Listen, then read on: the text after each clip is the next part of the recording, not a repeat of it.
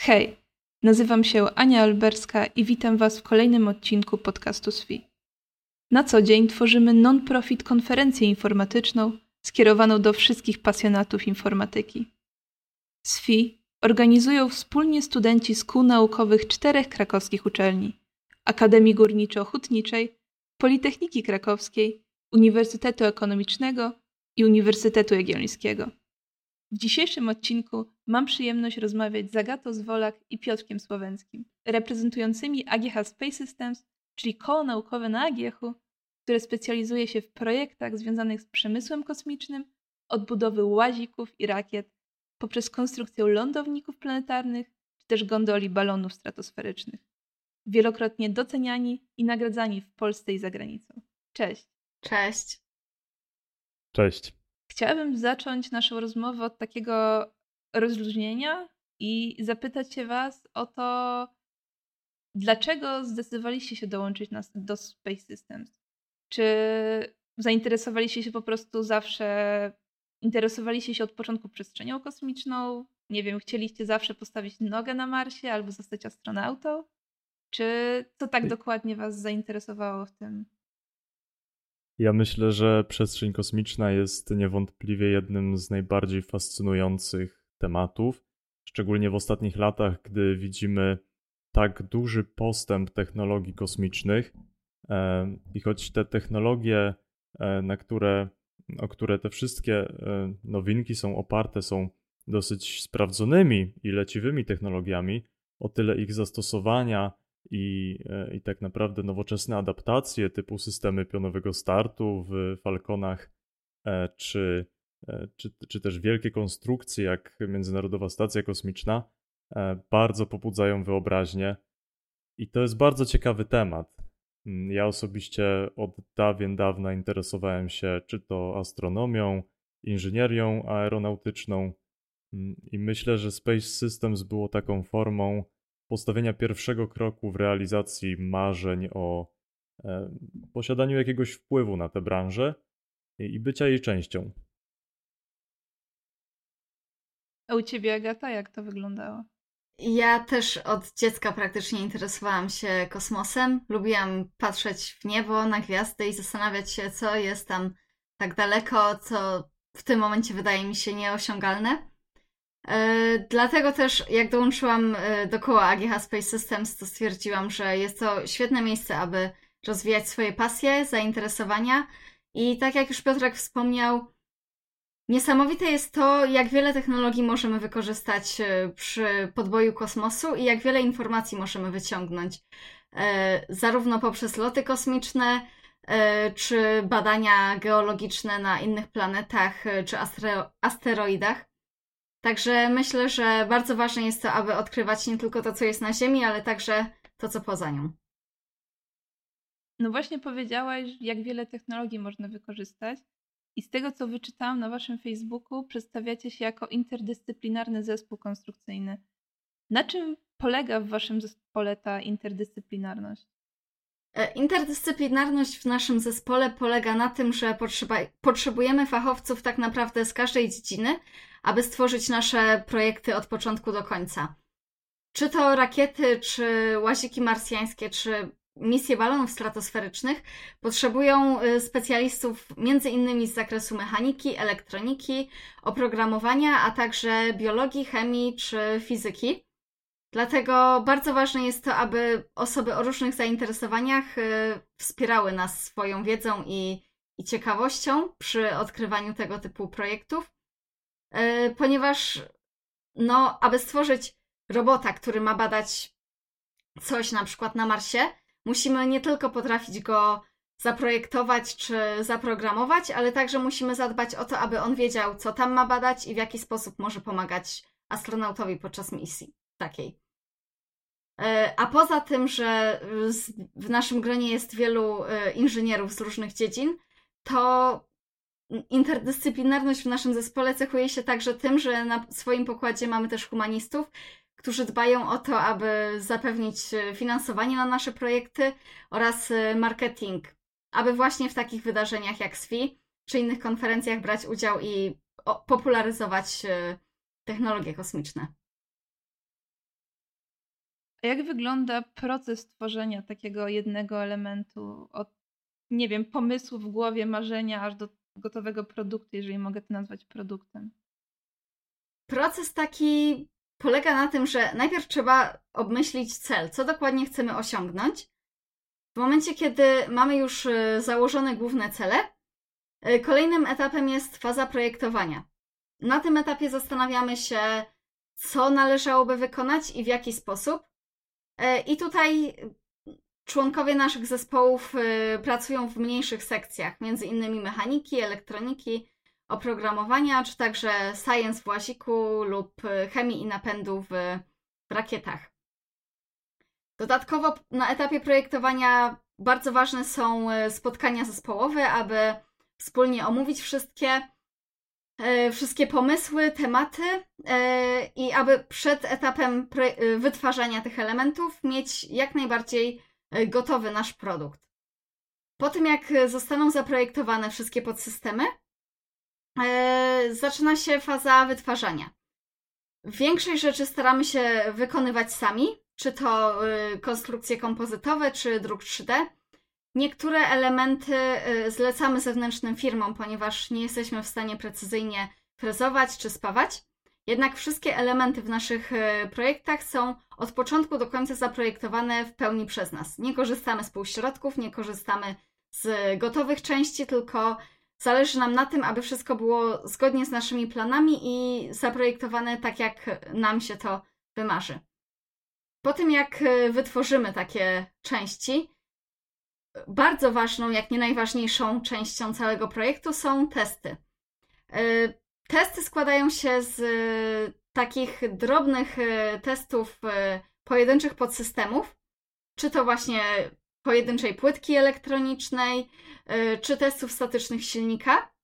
I w momencie, kiedy mamy przetestowane wszystkie podsystemy osobno, rozpoczynamy etap integracji, czyli polega to na złożeniu całego projektu, że tak powiem kolokwialnie do kupy, aby z miliona różnych części powstała nam rakieta czy to łazik. I w momencie, kiedy mamy już gotową rakietę, łazik czy gondolę do balonu stratosferycznego, wykonujemy także testy mm, w locie takiej rakiety, czy, czy bierzemy łazika y, na tereny jakieś bardziej górzyste, piaszczyste, aby przetestować, jak radzi sobie w takim terenie. I potem, kiedy wiemy, że zarówno każdy podsystem osobno, jak i cała konstrukcja są już y, sprawdzone, to y, możemy taką konstrukcję prezentować, czy to na zawodach, czy na różnego rodzaju wydarzeniach. Oczywiście często zdarza się tak, że po fazie testów konieczne jest przeprojektowanie niektórych elementów i wytworzenie ich na nowo. Właśnie to pokazuje, jak ważne są te testy, ponieważ nie zawsze da się wszystko przewidzieć i, i często właśnie dopiero w praniu wychodzi, wychodzą problemy, o których wcześniej yy, nie pomyślimy. Jednak mając to doświadczenie zdobyte przy, przy poprzednich projektach, z roku na rok yy, tych y, fuck-upów jest coraz mniej i coraz bardziej niezawodne są nasze konstrukcje.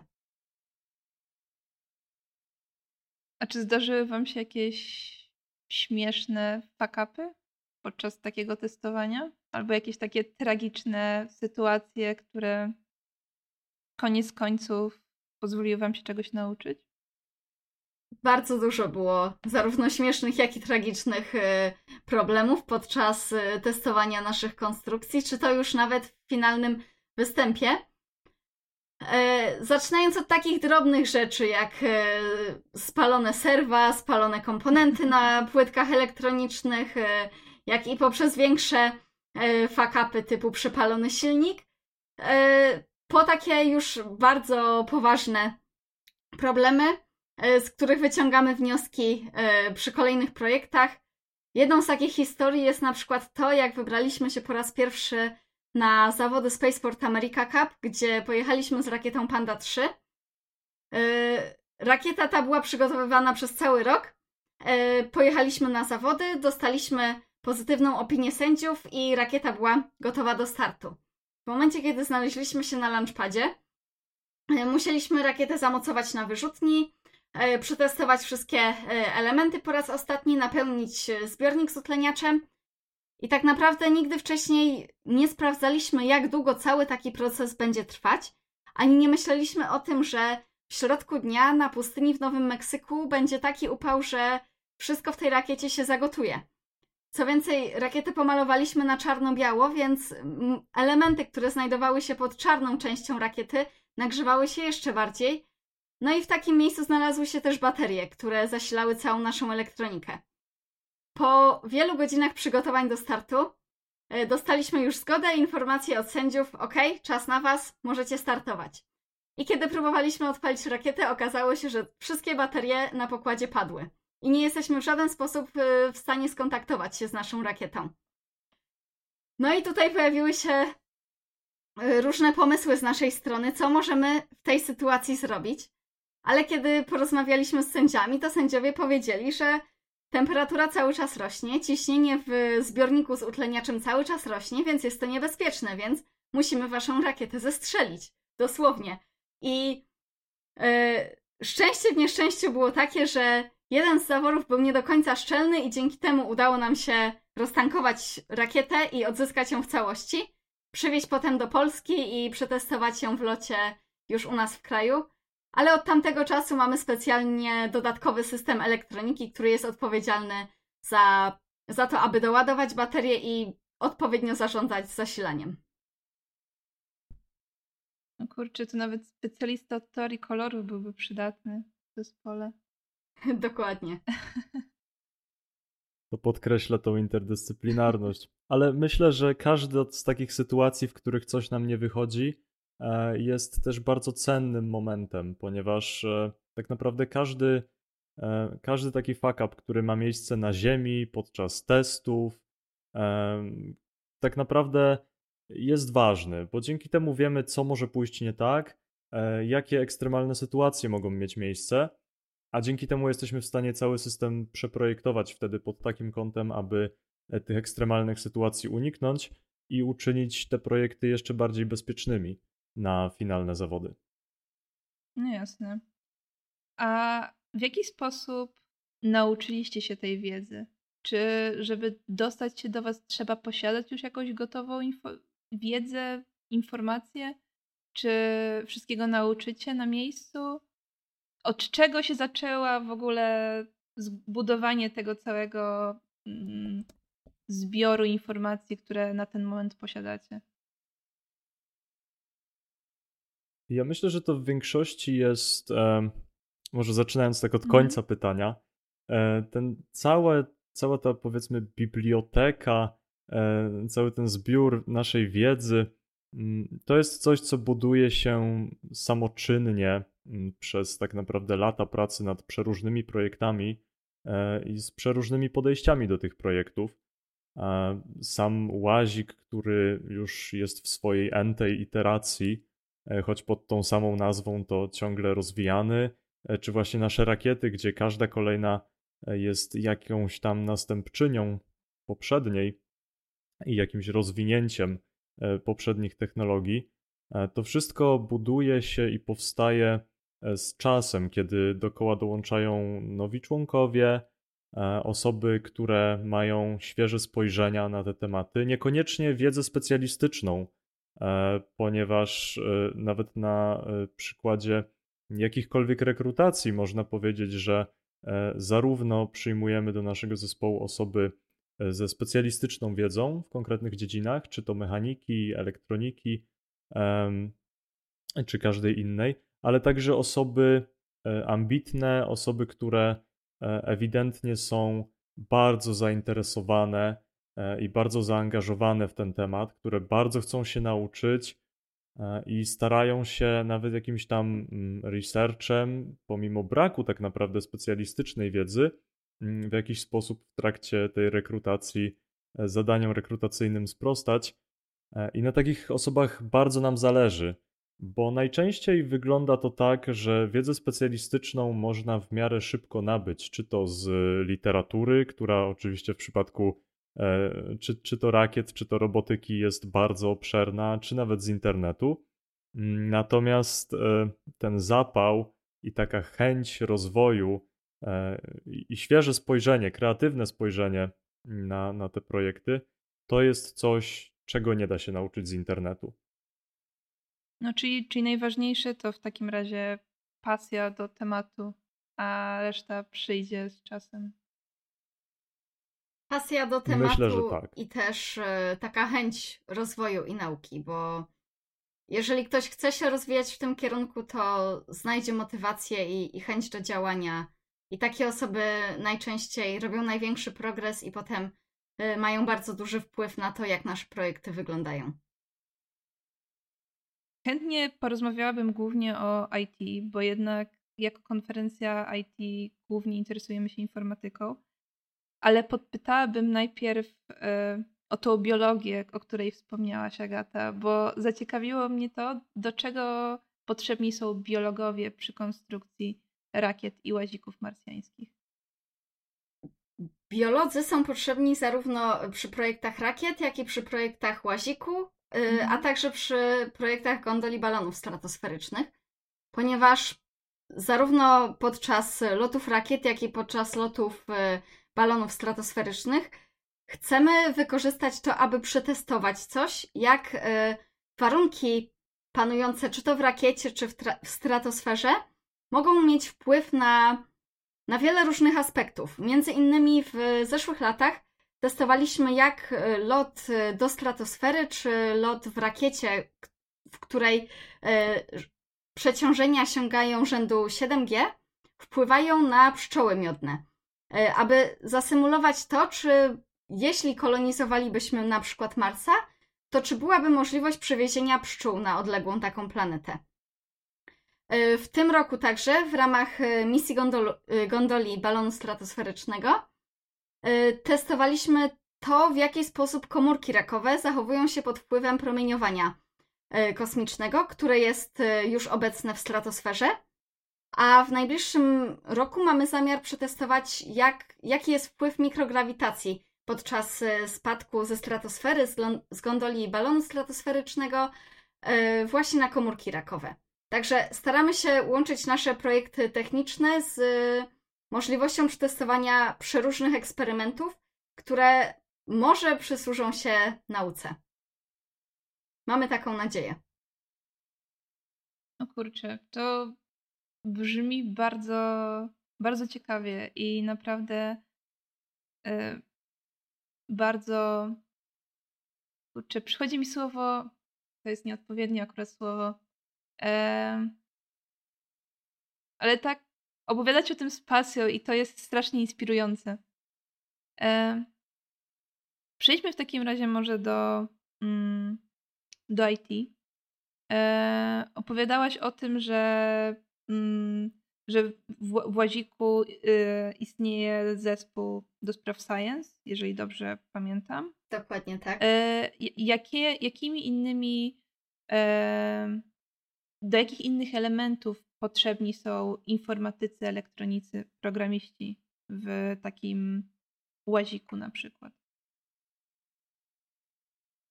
W kwestii łazika mhm. planetarnego mhm. przede wszystkim e, jedną z takich głównych E, dziedzin, w której wykorzystujemy umiejętności programowania, e, jest machine learning. Łazik w zasadzie w każdych zawodach, w których bierze udział, powinien wykazać się pewnym stopniem autonomiczności. Zadania są różne w zależności od tego, o jakich konkretnie zawodach mówimy, natomiast zawsze sprowadzają się do detekcji obiektów, wyznaczania trasy, pokonywania tej trasy autonomicznie, e, wzorując się na konkretnych wyznacznikach obecnych w terenie. E, I to są zadania, które przez to, że wymagają całkiem sporego stopnia autonomiczności i są punktowane e, względem tego, jak bardzo autonomicznie łazik wykonał te, te, te zadania, mm, wymagają naprawdę sporych, sporego nakładu pracy aby dopracować ten system, e, system samodzielnego e, operowania e, przez Kalmana. Mm, I to wykorzystuje całkiem spore zaplecze też hardware'owe. W tym momencie w zasadzie cały, cały Object Detection jest oparte o GPU. mm, co też wiąże się ze swoimi trudnościami, ponieważ no, wymaga to znacznie bardziej specjalistycznej wiedzy niż, niż przy programowaniu na CPU. Kurczę, co, co by jeszcze Ale powiedzieć? trzymacie GPU w Kalmanie, czy dopiero y, po wytrenowaniu, nie wiem, takiej sieci neuronowej, czy cokolwiek tam macie, y, przenosicie później to, przenosicie później i odpalacie klasyfikację y, na jakimś mniejszej płytce elektronicznej? To znaczy tak, do tej pory funkcjonowało to głównie mm, na platformie NVIDIA mhm. Jetson, jeśli się nie mylę. E, natomiast e, w tym momencie e, komputer pokładowy Kalmana jest w pełnym tego słowa znaczeniu komputerem. Mamy tam procesor Intela i kartę graficzną NVIDIA. I właśnie ten hardware pozwala nam w pełni wykorzystywać potencjał machine learningu i object detection do wykonywania autonomicznych zadań Kalmana. Głupie pytanie, ale czy da się na Kalmanie zagrać w Wiedźmina? Myślę, że bez problemu. Okej. Okay. No to w takim razie wielozdaniowy łazik marsjański również potrafi grać w gry. Um, ja się szczególnie interesuję sztuczną inteligencją, więc chętnie pociągnęłabym ten temat trochę mocniej. Chciałabym się szczególnie zapytać o to, jakiej, sztuczne, jakiej sztucznej inteligencji wykorzystujecie do mm, detekcji e, obrazów, do wyznaczenia ścieżek? Czy korzystacie z jakichś gotowych modeli, czy zbudowaliście własny model od zera? W tej kwestii mm, może nie jestem tutaj najlepszą osobą do e, opisania tego, ze względu na to, że głównie, głównie pracuję nad rakietami. Natomiast E, z mojej najlepszej wiedzy, e, machine learning w łaziku oparty jest o framework mhm. Darknet e, i wykorzystuje algorytm YOLO do wykonywania detekcji, detekcji obiektów. Mm, w tym momencie prowadzone są prace nad generowaniem trójwymiarowych bounding boxów, aby móc umożliwić nowemu nowemu manipulatorowi e, Kalmana lepsze e, chwytanie obiektów, bardziej precyzyjne, bardziej dokładne i skuteczne. Okej, okay, to mm, porozmawialiśmy trochę o Kalmanie, a jak wygląda to z perspektywy rakiet? Rakiety również potrzebują machine learningu, czy tam e, kwestia programistyczna skupia się na całkowicie innym elemencie? To jest bardzo, y, bardzo różne mm, od tego, co się dzieje w łaziku planetarnym. E, rakieta przede wszystkim stawia na e, prędkość działania e, tego systemu i na jego niezawodność. Tam w zasadzie nie ma miejsca na machine learning, szczególnie kiedy, kiedy, kiedy są to raczej proste zadania, które one, ona realizuje. Natomiast na pewno najważniejszym aspektem jest to, by jak najlepiej e, filtrować wszelkie dane, która, e, które rakieta zbiera i na podstawie których podejmuje decyzje. E, szczególnie istotna jest tu elektronika i jej oprogramowanie mm, z aspektu recovery, czyli z podsystemu odzysku rakiety. Kiedy rakieta osiąga swój maksymalny pułap, trzeba zainicjować procedurę wyrzutu głowicy, i następnie wyrzutu spadochronów. Najpierw pierwszego spadochronu, tak zwanego pilota, e, na którym rakieta będzie całkiem szybko opadać na wysokość około 600-500 metrów, i dopiero na tej właśnie wysokości wyrzucenie spadochronu głównego, który spowolni spadek naszej rakiety do dopuszczalnej prędkości, tak by mogła ona bezpiecznie wylądować. E, natomiast e, te dwa zdarzenia muszą być bardzo dobrze bardzo, w bardzo odpowiednim momencie zrealizowane, e, by uniknąć e, przechyl nadmiernego przechylenia się rakiety, czy też sytuacji, w której rakieta po prostu dziobem w dół wbije się w ziemię i prawdopodobnie już nie będzie możliwa do ponownego użytku. Dlatego elektronika i oprogramowanie który znajduje się w tym podsystemie, jak i w każdym pozostałym, jest oparty o system operacyjny czasu rzeczywistego. E, jest to oprogramowanie, które działa na mikroprocesorach e, z rodziny STM32. Mm, są one raczej niezawodne i okazały się bardzo odpowiednie do naszych, e, do naszych zastosowań, dlatego od lat wiernie trzymamy się tej właśnie rodziny mikroprocesorów. Mm, oferują też całkiem sporą rozbieżność pod kątem, może inaczej. Dzięki temu, że korzystamy z mikroprocesorów, możemy decydować o tym, e, jaki konkretny komponent wybieramy. Mm, czy są to rozwiązania przeznaczone dla, e, dla, dla sytuacji nisko, o niskim zużyciu energii, czy też takie, które oferują nam naprawdę sporą moc operacyjną e, i możemy je wykorzystywać do wykonywania bardzo szerokiego spektrum zadań. Wspominacie o bardzo dużym spektrum y, projektów, nad którymi pracujecie. Od rakiet poprzez y, analizowanie życia pszczół w kosmosie. Y, czy wszystkie wasze projekty to są projekty, które tworzycie w celach edukacyjnych, żeby samemu sprawdzić, jak to się stanie? Czy mają one, mogą mieć one realny wpływ na to, jak będzie wyglądał przemysł kosmiczny i możliwe, że mo mogłyby zostać wykorzystane przez firmy prywatne albo NASA lub ESA?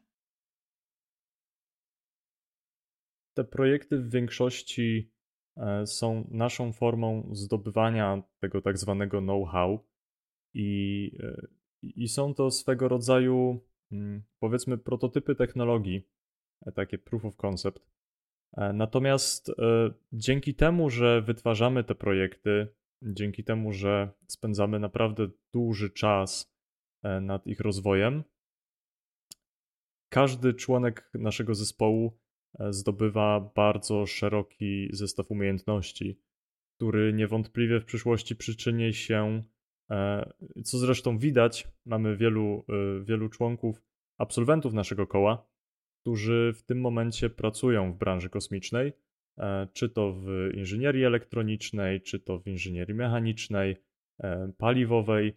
E, jest to naprawdę bardzo szeroki, szeroki zasób profesji. I myślę, że to jest główny cel naszych projektów. Rozwój, rozwój kadry przyszłego przemysłu kosmicznego w Polsce. Mm, co nie zmienia faktu, że e, projekty, które rozwijamy, również e, z pewną dozą e, poświęconego czasu mogłyby być zaadaptowane do rozwiązań komercyjnych. A nad jakimi projektami obecnie pracujecie? Obecnie y, zespół Łazika dalej pracuje nad rozwojem Kalmana i dopracowaniem wszystkich elementów tak, aby były w pełni niezawodne. E, jednym z ważniejszych e, zadań nowych w tym sezonie dla Kalmana jest e, stworzenie nowego manipulatora, który będzie jeszcze bardziej dokładny, będzie z jeszcze większą precyzją chwytać różne przedmioty.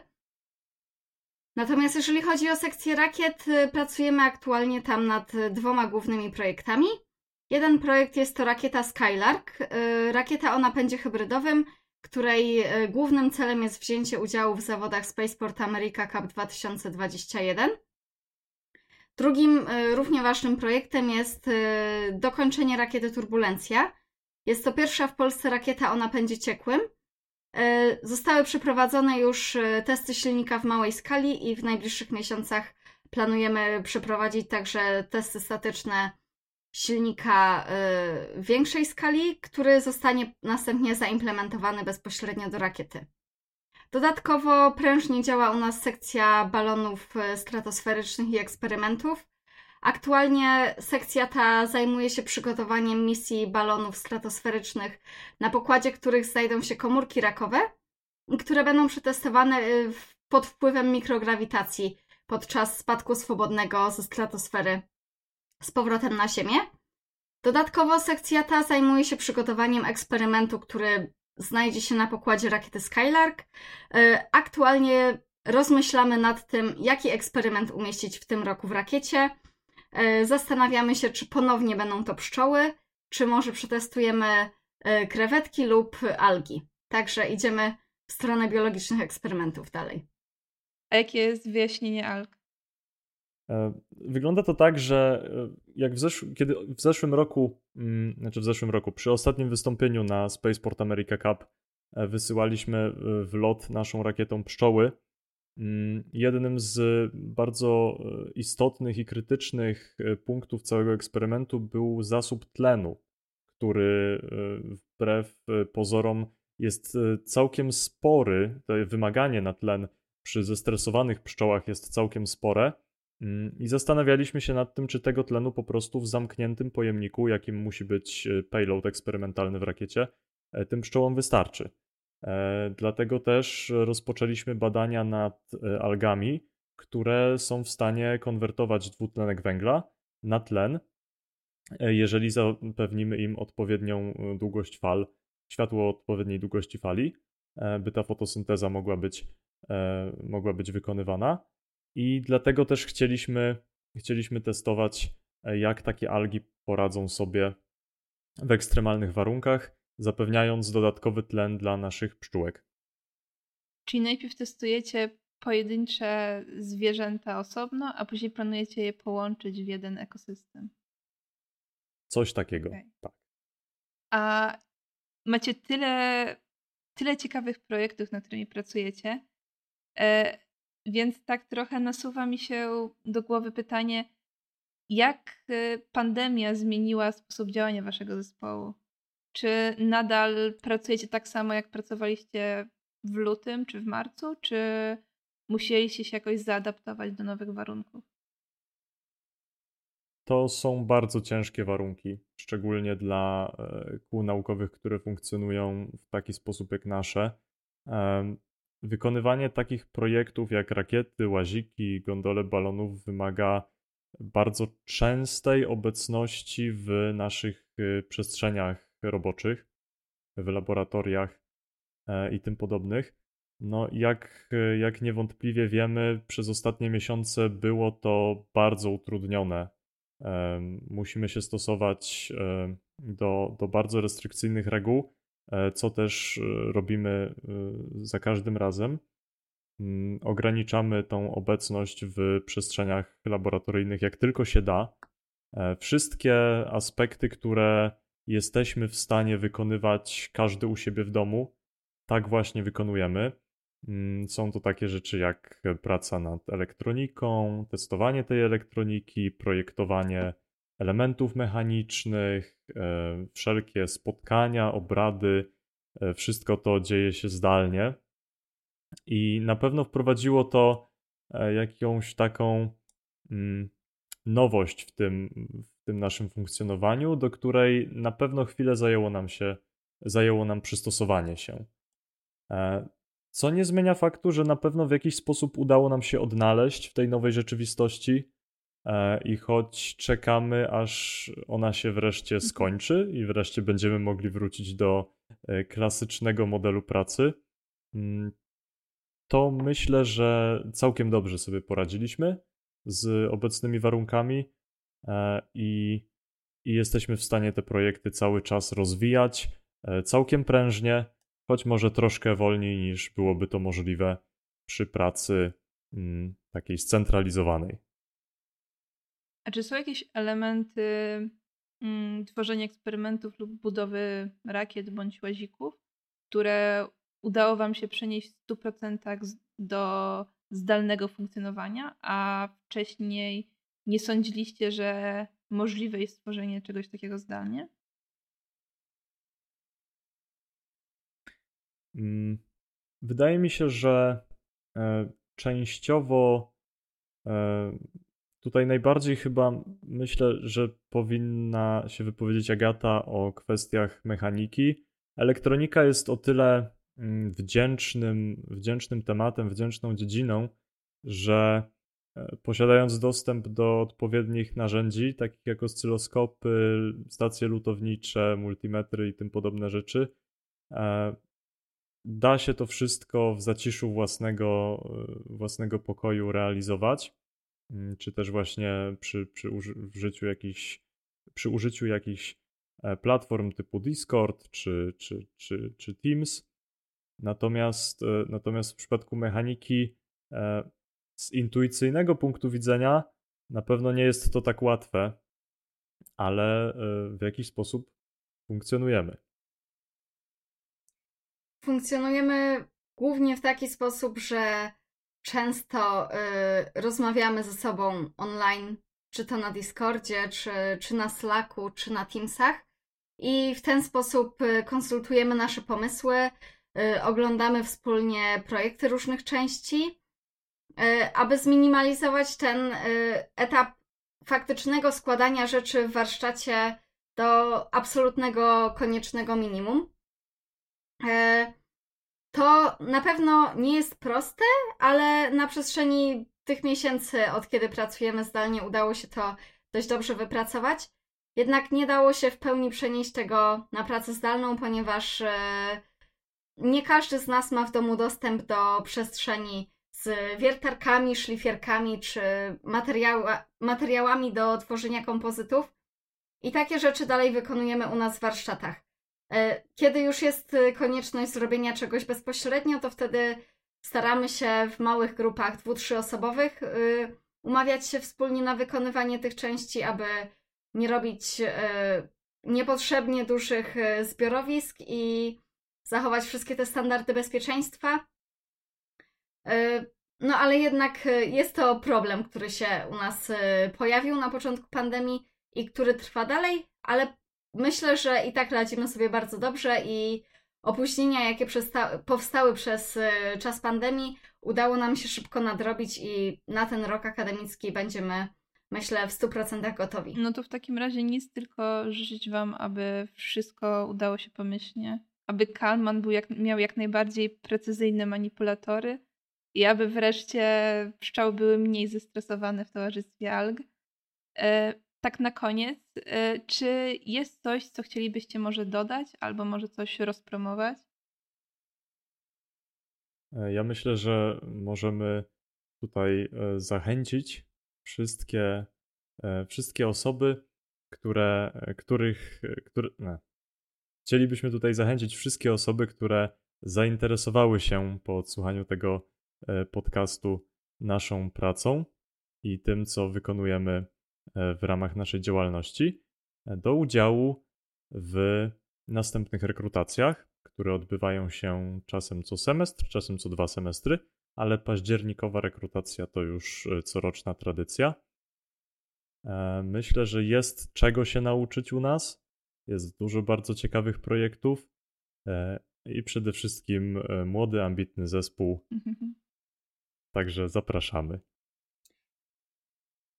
Ja też tutaj chciałabym dodać, że e, wszystkie informacje na temat e, zarówno rekrutacji, jak i naszych projektów, e, które aktualnie realizujemy, można znaleźć na naszych social mediach, między innymi na Facebooku czy Instagramie, także zachęcamy do obserwowania i, i śledzenia, jakie kosmiczne projekty aktualnie robimy. Koniecznie. I wystarczy śledzić Was na Facebooku i wszystko będzie wiadomo, tak? Dokładnie tak. Czy jeżeli jesteście zainteresowani, potrzebujecie więcej inspiracji na temat kosmosu? E, myślę, że powinniście się zainteresować naszą rozmową z Kenem Harrisem, gdzie rozmawialiśmy o budowaniu satelit w NASA. Ta rozmowa nie jest najbardziej najdoskonalszej jakości, ale jest na pewno ciekawa, bo rzadko kiedy można rozmawiać z inżynierem w NASA. E, po, posłuchajcie też rozmowy z Waldemarem Franczakiem, który opowiadał o wykorzystywaniu danych satelitarnych. E, z mojej strony ja bardzo dziękuję Tobie Agata i Tobie Piotr za rozmowę. E, na pewno bardzo, bardzo dużo się dowiedziałam i to jest bardzo, bardzo ciekawa, ciekawy element dla mnie do dalszego zgłębiania. Słuchaczom dziękuję za wysłuchanie. No i koniecznie śledźcie nas na mediach społecznościowych, Facebooku, Instagramie i Twitterze, e, aby może nie ominąć w przyszłości kolejnych równie ciekawych rozmów i zainspirowania się mm, kolejnymi innymi ciekawymi projektami. My mm. również bardzo dziękujemy. I jak to zawsze mówimy, see you in space. Dokładnie. See you in space. Hej.